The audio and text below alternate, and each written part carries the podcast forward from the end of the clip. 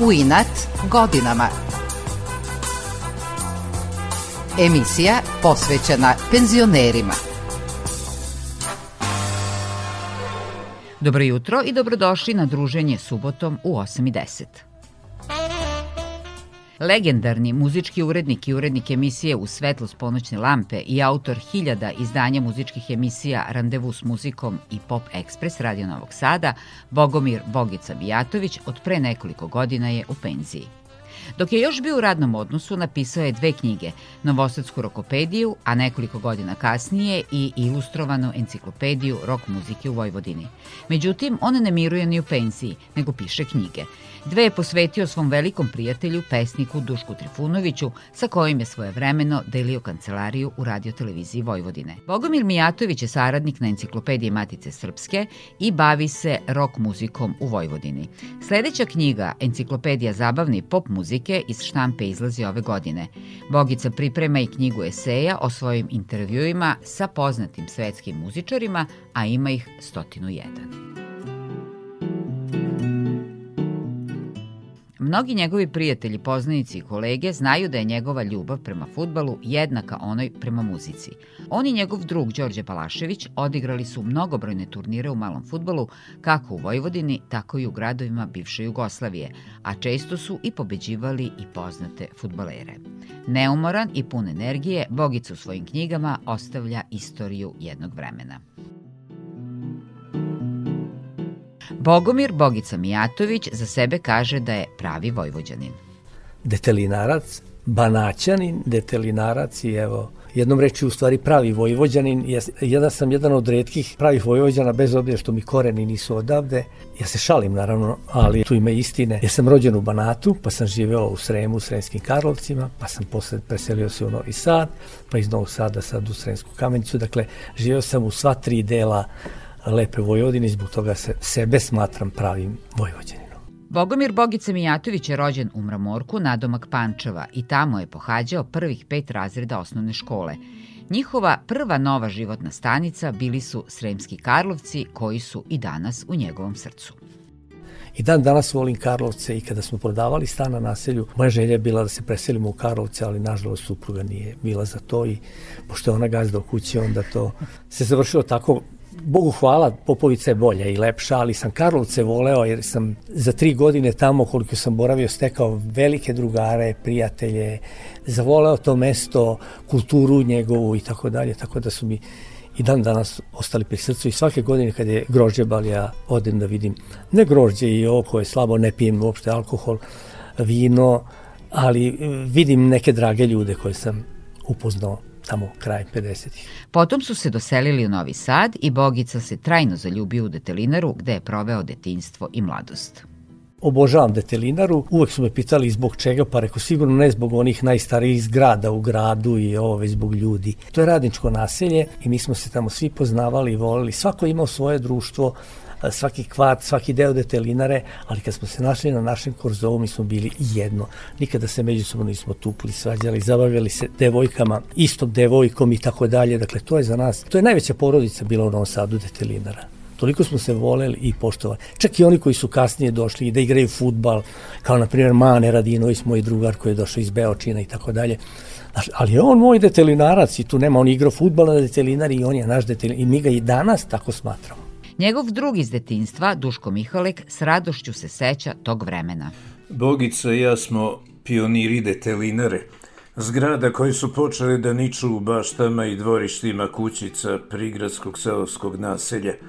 Rasli smo sa tim zgradama podizanim za radnike, službenike i poštenu inteligenciju socijalističkog društva, otrgnuti iz naših seoskih sredina – On iz Karlovaca, ja iz Kamenice. Zabavu smo nalazili na stadionu Radnički, koji je kasnije postao Novi Sad, on među futbalerima, ja na košarci i u novom društvenom domu.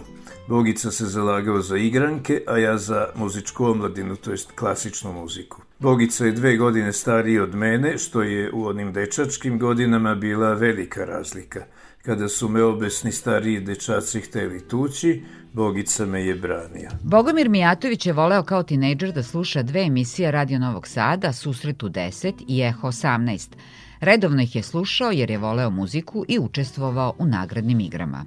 Slušao sam emisiju Susret u 10 koja je bila muzička emisija i u njoj sam dobio nagradu jedne nedelje singl jedan. Na neko postavljeno pitanje, nas troje bilo. Pa kroz dve nedelje sam dobio opet singl. I kroz dve nedelje sam jedini znao tačan odgovor na pitanje i oni me pozovu preko radija da dođem u četvrtak u 5 sati u Žarka Zranjenina broj 3. Tamo će me oni sačekati da budem gost u emisiji. Ja sam došao, gostovao, snimali smo u D režiji gore Bata Skulić je, sećam se, snimao tu emisiju i snimili smo i kad se završila emisija emisija mene urednik pita, kaže vidim ja tebe to zanima da ti to znaš sve, kaže bi ti ostao ovde kod nas da budeš honorarni saradnik. Kao da me je pitao da li bi se zabavio s najlepšom devojkom u Novom Sadu. I tako sam ja došao u radio i tako sam i ostao. Bogičin put u posao kojim se bavi čitavog života počeo je u tadašnjem omladinskom programu. Inače, Radio Novi Sad je tada imao omladinski radio. Početkom 60. godina su napravili omladinski radio iz kojeg su potekli, ako ti kažem sada, Lale Čekić, Jergić, Dule Ninkov, Nikšić, Duca Bogdanović, Joca Nikolić, Teodora Razumenić, evo ti i tvoja generacija ste kasnije nasledili i mislim da je posle vaše generacije to nažalost i ukinuto. Odatle su oni uzeli sve nas. U muzičkom delu smo bili Čupko, Vita, ja i Oca Nikolić. Svi smo se zaposlili dobro i ocovu informativu, a nas trojica smo ostali u muzičkom. Mnogo su naučili od starijih kolega, kaže Bogica. Onome što smo naučili od starijih kolega iz Radio Novog Sada, tu pre svega mislim na Angela Vlatkovića koji je bio šef muzičke redakcije i koji nas je sve primio, Čupka, Vitu i mene, Karolja Kovača, Bobija Davidovca, Acu Rukavinu, jer smo od njih naučili mnoge stvari koje mi nismo znali. Drugo, mi smo njih poštovali jer smo bili vaspitavani u kući, u školi, u društvu da se stari moraju poštovati, trebaju poštovati i tako dalje. Tako da smo doživeli to i od mlađe generacije koja je došla posle nas. Kako će biti u buduće, sam Bog zna.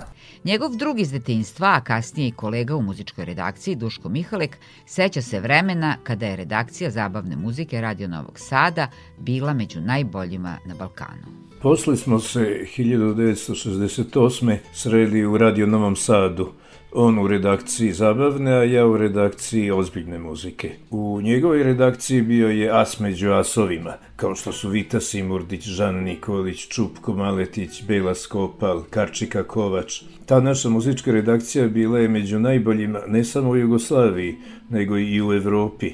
Dan danas i ovde, u Izraelu, srećem ljude koji pamte naše emisije i Bogicu. Bogica kaže da je u njihovoj redakciji uvek vladalo potpuno jednako razumevanje muzike. Mi smo imali sreću, to se tako slučajno valjda potrefilo, to je kao zvezda ono kad je osvojila u Bariju, ta generacija selektirali su je na pravi način, na najbolji, pametno i e, rezultat je došao. Pretpostavljam da je to tako kod nas i stica i nekih sretnih okolnosti. Mi se nikada nismo dogovorili kad stigne neka nova ploča, stigne, dobije Vita, dobije mi ja, dobije Čupko i tako dalje. Mi svako od nas je preslušao sam kod kuće svoje sve. Nikad se nismo dogovarali ovo ćemo da puštamo, ovo nećemo, nego smo imali zaista u 99% slučajeva identičan ukus. Bogica smatra da bi svaki televizijski novinar trebalo nekoliko godina da provede radeći u radiju. Odavno sam rekao i to ponavljam opet. Ne bih dozvolio nikome da radi na televiziji Vojvodine ko nije radio nekoliko godina u Radio Novom Sadu. Da nauči posao, da nauči kako se radi, da poštuje vreme, jer ja nikada u životu nisam zakasnio na emisiju. Na televiziji se dešavalo i da kasni ovaj kasni, čitava ekipa kasni.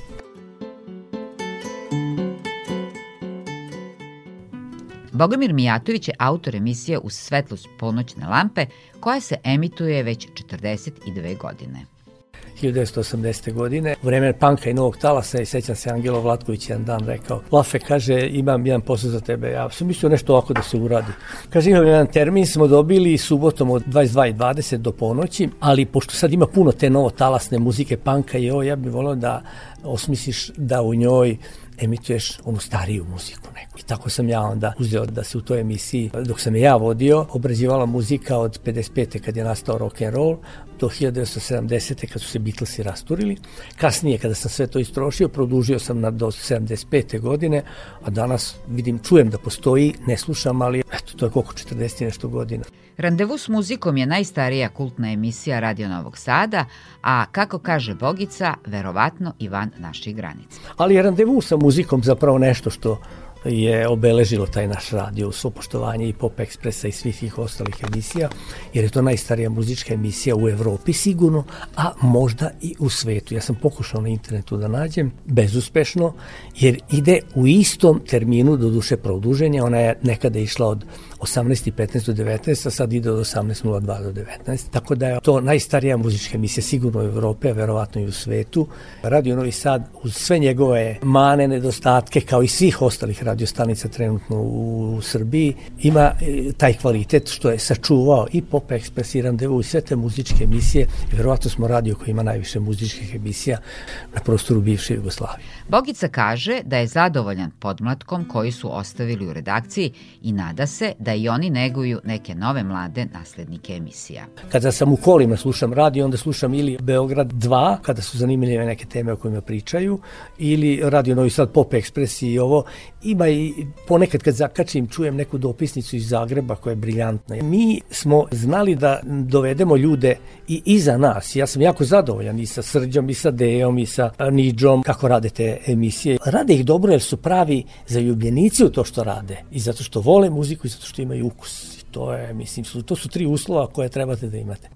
U njegovo vreme, kada su se rađali muzički stilovi u rock muzici, oni su pozivali mlade u redakciju da sarađuju, jer su smatrali da bolje razumeju jezik svoje generacije, ističe Bogica. Meni je žao što, na primjer, nije ostao u radiju Dragan Gojković Goja, koji je vodio emisiju o novom talasu, panku i tako dalje, jer kada se pojavila nova muzika, mi smo bili pametni, kao što je bio i Angelo pametan, pa doveo nas kad su se pojavili Beatles i ovi. Kad su pojavili punkeri i novi talas, mi smo doveli Goju da on radi to, jer to je muzika njegove generacije i on je bolje razume nego nas trojica, a da ne govorimo o generaciji pre moje. Tako da tako treba voditi redakciju da bi ona bila uspešna. Nadam se da će ova redakcija iz koje sam ja bio i dalje imati tu takvu politiku ukoliko dozvola oni koji su njima nadređeni. Sve tri muzičke emisije Radio Novog Sada od uvek su pune informacija o pesmama i muzičarima, a da bi istorija razvoja rok muzike u Novom Sadu i Vojvodini ostala zabeležena, Bogica je napisao dve enciklopedije rok muzike.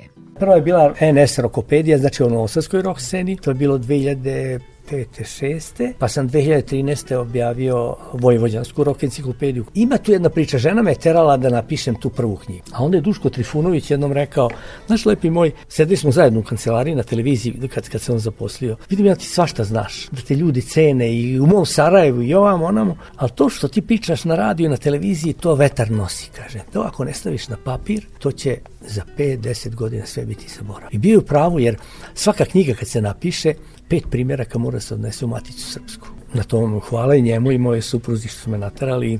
Prikupio je građu za još jednu enciklopediju i to za zabavnu i pop muziku, kao omaž svima koji su ga naučili poslu i podržavali, kaže Bogica. To je moj dug prema Angelu Vlatkoviću. Darku Kraljiću pre Angela Vlatkovića. Darko Kraljić je bio urednik zabavne muzike u Radio Novom Sadu od decembra 51. do 57. dok nije došao Angelo. Darko Kraljić, koga smatraju mnogi kompozitori, najvećim kompozitorom zabavne muzike u bivšoj Jugoslaviji. Dakle, to je bio dug prema njemu, Angelu, kvintetu Bogdana Dimitrijevića, Jocija Damov, Ljilji Petrović, od Đoletu, ovim, do, evo, Nataše Bekvalac. Ta će mi knjiga biti draža od ove dve koje sam napisao o rock'n'rollu, jer je rock'n'roll, kako je rekao Vlada Hajdfogel u svojoj briljantnoj knjizi, kojemu se zove rock'n'roll, je došao kasnije, jer je pre rock'n'rolla postojalo nešto. Novosadska rokopedija i enciklopedija rok muzike u Vojvodini su početak spisateljskog rada Bogomira Bogice Mijatovića, kaže urednik i vlasnik izdavačke kuće Prometej Zoran Kolundžija. Pre naše saradnje objavio je odličan leksikon e, rok muzičara Novog Sada i Vojvodine. U tome ja nisam učestvovao, ali nas izbližilo Duško Trifunović i zajednička i pojedinačna druženja sa Duškom i onda njegov ogroman tagalački posao u vezi sa Duškom i stvaralaštvom. Pesnik Duško Trifunović nije znao koliko je njegovih pesama u popularnoj muzici, nastavlja Kolundžija. Ja sam bio svedok razgovora sa Duškom kad je Duško tvrdio da za ovu knjigu Tajna veza i za još nešto, tako pretpostavlja da ima stotinak pesama koje je napisao za muzičare, a Bogi sam mu rekao, ma ne Duško, vi grešite, vi ste napisali verovatno možda i 300 pesama, Duško je ma gde je to moguće. I uglavnom, Duško je otišao na onaj sveta da Bogica nije stigao da mu dokaže u materijalnom obliku, ali je, dok je ovo radio, stigao je do 300 i onda na kraju misle da, da u knjizi sad nisam preverao, mislim da ima 313 ovaj Duškovih pesama koje su izvođene. Bogomir Mijatović i Duško Trifunović su bili izuzetno dobri prijatelji i to prijateljstvo je ponukalo Bogicu da istraži koliko je Duškovih pesama u popularnoj muzici. Iza njegova života sam skupio 150 i on je bio jako ponosan u jednom intervjuu se hvalio. Kaže, imam ih više nego Bob Dylanu. A Bob Dylan je pisao sam svoje pesme i komponovao, nije ni važno. Skupio sam 301 za to prvo izdanje. Ta knjiga je prodata i sad ćemo praviti drugo izdanje. Ima ih 310 plus jedno 30 kojima ne mogu da uđem u trag. Znam da postoje, jer mi je Goran rekao da je napisao, ne znam, ide voz, promiču pejzaži, da je to, ali nema taj snimak, krat je to sve odno. Tako da je oko 330, 40, možda do 350 duškovih pesama. Druga Bogičina knjiga posvećena Dušku Trifunoviću je Slušaj mene, a radi po svome. Tu sam u stvari pokazao Duška kao jednog mudrog čoveka ili filozofa bez škole, kako je voleo sebe da nazove često. Ta njegova mudrost je nešto što je najdragocenije što mi se desilo u životu i taj susret, poznanstvo i prijateljstvo s njim i presrećan sam i on da je živ, on bio jako srećan što su se pojavile te dve knjige. Posebno mi je drago što je za prvu onu, pamtite me po pjesmama mojim, predgovor napisao Abdullah Sidan, jedan od njegovih sudbonosnih dečaka, a za ovu drugu doktor profesor Mihajlo Pantić, jedan od najuglednijih profesora Beogradskog filozofskog fakulteta. Urednik i vlasnik Prometeja, Zoran Kolundžija, kaže da je zahvaljujući pojavi stihova poznatih pesnika, rok muzika dobila poseban kvalitet. Na početku se gledalo pocenjivački na rock muziku, a evo sad se dokazuje, ja često slušam ove stanice koje emituju evergreen muziku, ne može se bez e, te vrste muzike. I svedoci smo da je jako malo toga novoga u rock muzici kod nas e, stizalo sa tako primetnim kvalitetom kakav je ovaj kod starijih rokera, a normalno Duško Trifunović je apsolutno veliki srpski pesnik. Po rečima Pece Popovića, čovek koji je opismenio jugoslovenski Srpski rokeneo postavio je standarde ispod kojih se posle više nije moglo ići. Bogica je prošle godine objavio knjigu Pesnici u popularnoj muzici, a posebno je ponosan na svoj doprinos Srpskoj enciklopediji Matice Srpske. Pisan za Srpsku enciklopediju, što mi je velika čast. To je ovaj Matica Srpske akademija nauka što rade. To me zvao profesor dr. Dragan Stanić, predsednik Matice Srpske i to mi je ovako jedno naj, to je možda uz jednu Duškovu priču najveći kompliment koji sam u životu dobio. A Duško me jedno veče zvao i rekao, vidi lepi moj, jedan moj prijatelj piše, Branko Perić, sudija je u sudu, piše knjigu o meni. Pa bi ja volio da i ti nešto napišeš za tu knjigu, pa da ti i ja zajedno budemo u knjizi. Kako god da je to zvučalo, meni to je zvučalo kao najveći kompliment koji sam dobio u životu i posle ovo pisanje za srpsku enciklopediju o muzici. Jer ovi iz Beograda ne znaju ko je Mira Gubik, ko je Brači Pardejanović, ko su Boroševi, oni će svi biti Angelo Vlatković i tako dalje, sve biti u enciklopediji. Profesor dr. Dragan Stanić Predsednik Matice Srpske ističe da Bogica ima šarmantan i pitak stil pisanja i da je deo o rock muzici izuzetno važan za istoriju našeg naroda. To je jedna vrsta, dakle, samosvesti, kulturološke, političke, istorijske, kako god hoćete, dakle, koju srpski narod ima o sebi i o svim narodima sa kojima živimo u istom državnom okviru, ali i u prisnoj komunikaciji sa raznim državama, okolnim državama, sa evropskim, svetskim državama i tako dalje i tako dalje. Jedna dragocena, mislim, publikacija i eto, Bogica Mijatović daje svoje doprinose ovako nečem. Posebno poglavlje u životu Bogomira Mijatovića zauzima prijateljstvo sa Đorđem Palaševićem. E, još uvek je ta rana dosta teška i duboka, ali su sećanja na njega fantastična. Mi smo bili drugari pre nego što on postao ime, a sa njime upoznao Bobe Pavković, njegov najbolji drug u to vreme iz bloka, a kasnije moj venčani kum, futbaler Vojvodine i, Partizana i trener. To je bilo drugarstvo, verovali ili ne, zasnovano na nečemu drugom, ne na muzici. Zanimljivo je da i Bobe voleo muziku, imao fantastičnu diskoteku, izvaredan ukus, Đole takođe i ja. Ali nas je vezivalo nešto drugo, Sva trojica smo bili vojvodinaši. Obožavali smo i da gledamo futbal i da igramo futbal. Iako je bio zaljubljenik u futbal, Đorđa Balaševića je sve više počela da interesuje muzika.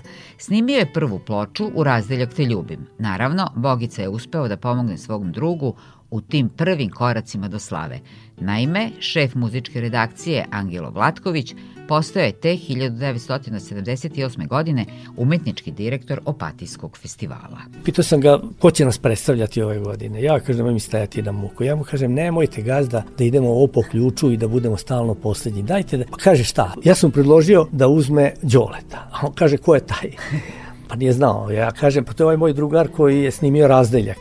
Razdeljak je 12. septembra zaveden u fonoteku 77. Crnjanin i ja smo ga u emisiji subotom sa vama, pošto ja nisam mogao da ga emitujem u Randevu i Pop Expressu, jer je to klasičan tango i ovo. A Crnjanin sam objasnio o čemu se radi u pesmi, njemu se to jako dopalo i mi smo to gurali, gurali i to je postao, posle sam u Studio B i u Radio Beograd, Minimaxu i onda je to postao maltene jugoslovenski hit. Te 1978. godine Đorđe Balašević je otišao na Opatijski festival. I onda je znao on tu pesmu i Angelo meni kaže daj, kaže nemoj zezati, kaže taj ne ume da peva, kaže kakva je to pesma, kaže tango. I ja kažem gazda ima on preko 20-30 pesama fantastičnih i ovo, pa kaže aj ga dovedi. Kad? Kaže sutra, hitno ja telefon zovnem sutra, Angel mi govornik donese gitaru, ja prenosim da poneseš gitaru i tekstove otkucane, sve ja to prenosim. Pita me on šta je? Rekao, kad budem završio emisiju, doću kod tebe pa ću ti reći. I tako je bilo, ja mu kažem. On se jako obradovo jer je pokušavao godinama da uđe na omladinski festival kao autor, ali nije mu uspevalo. Iako već na putu slave, Đorđe se nije odrekao futbala. Bogica se seća jedne utakmice protiv veterana futbolskog kluba Vojvodina.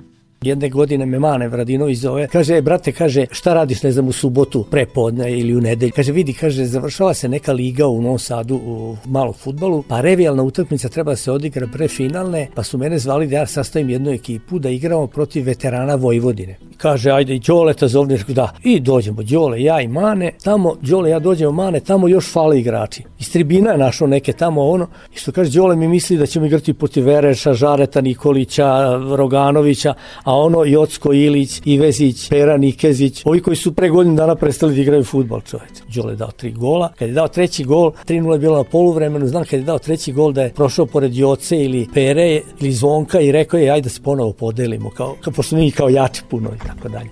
Imane Radinović, Bogičin i Đoletov drug, inače futbaler i trener, kaže da bi Bogica, da nije bio muzički urednik, bio futbaler.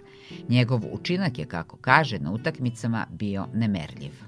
Igrali smo jedno dvadesetak turnira malog futbala, gde on uvek bio standardne, bio je jedan najbolji stalno, bio je igrač iz senke, kao što je i u životu bio i igrač iz senke, nije sebe isticao nekad u prvi plan, u prvom planu je bio ili Mane Radinović ili Đorđe Balašević ili neke koje on voleo i pošteo, a njegov učinak je nemerljiv.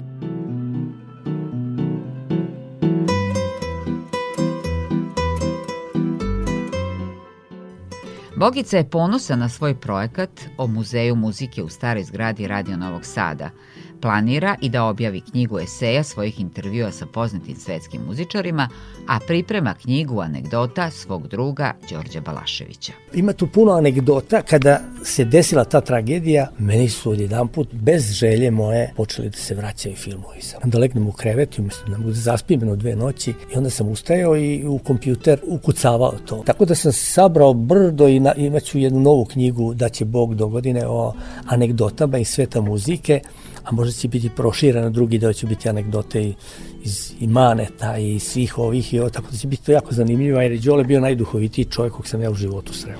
Bogomir Bogica Mijatović se ne predaje, nastavlja da piše, ali pre svega da provodi vreme sa svojim unucima. Bilo je to sve za danas. Do sledećeg susreta pozdravljaju vas Nevena Vrtulek i tonski snimatelj Dalibor Vidović. Negde se pipnu naši mali svemiri Kada već pomislim da spavaš. Zašumi saten, tama se uznemiri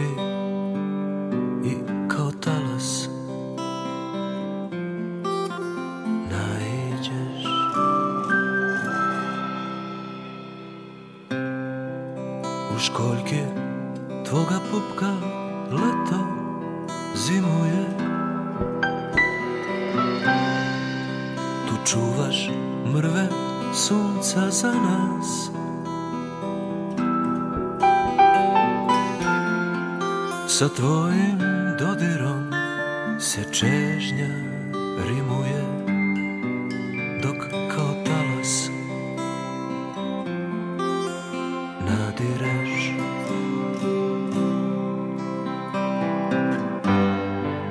I ništa više nije važno Lice sveta zlobno i lažno Se raspline za čas.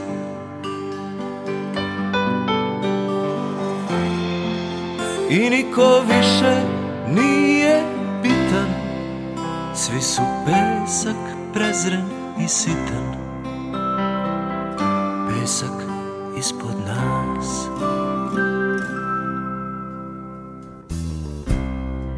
Srebra decembra Kuju prsten za tvoj prst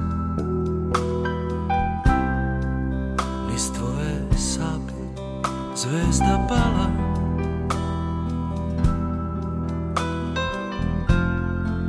Zalute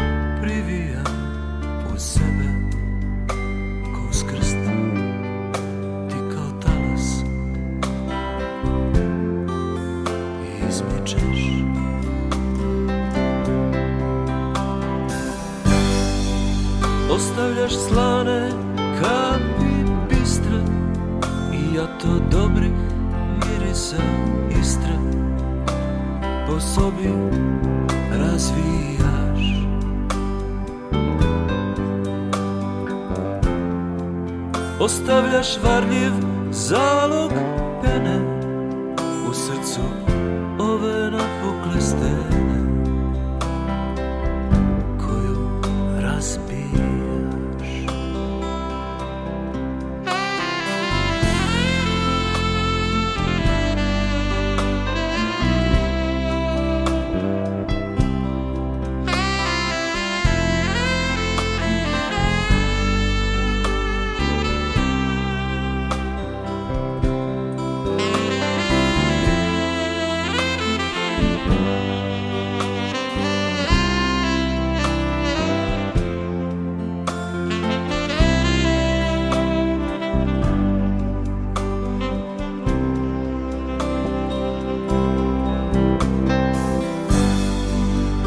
Ništa više nije važno. Lice sveta zlobno i lažno Se raspline za čas.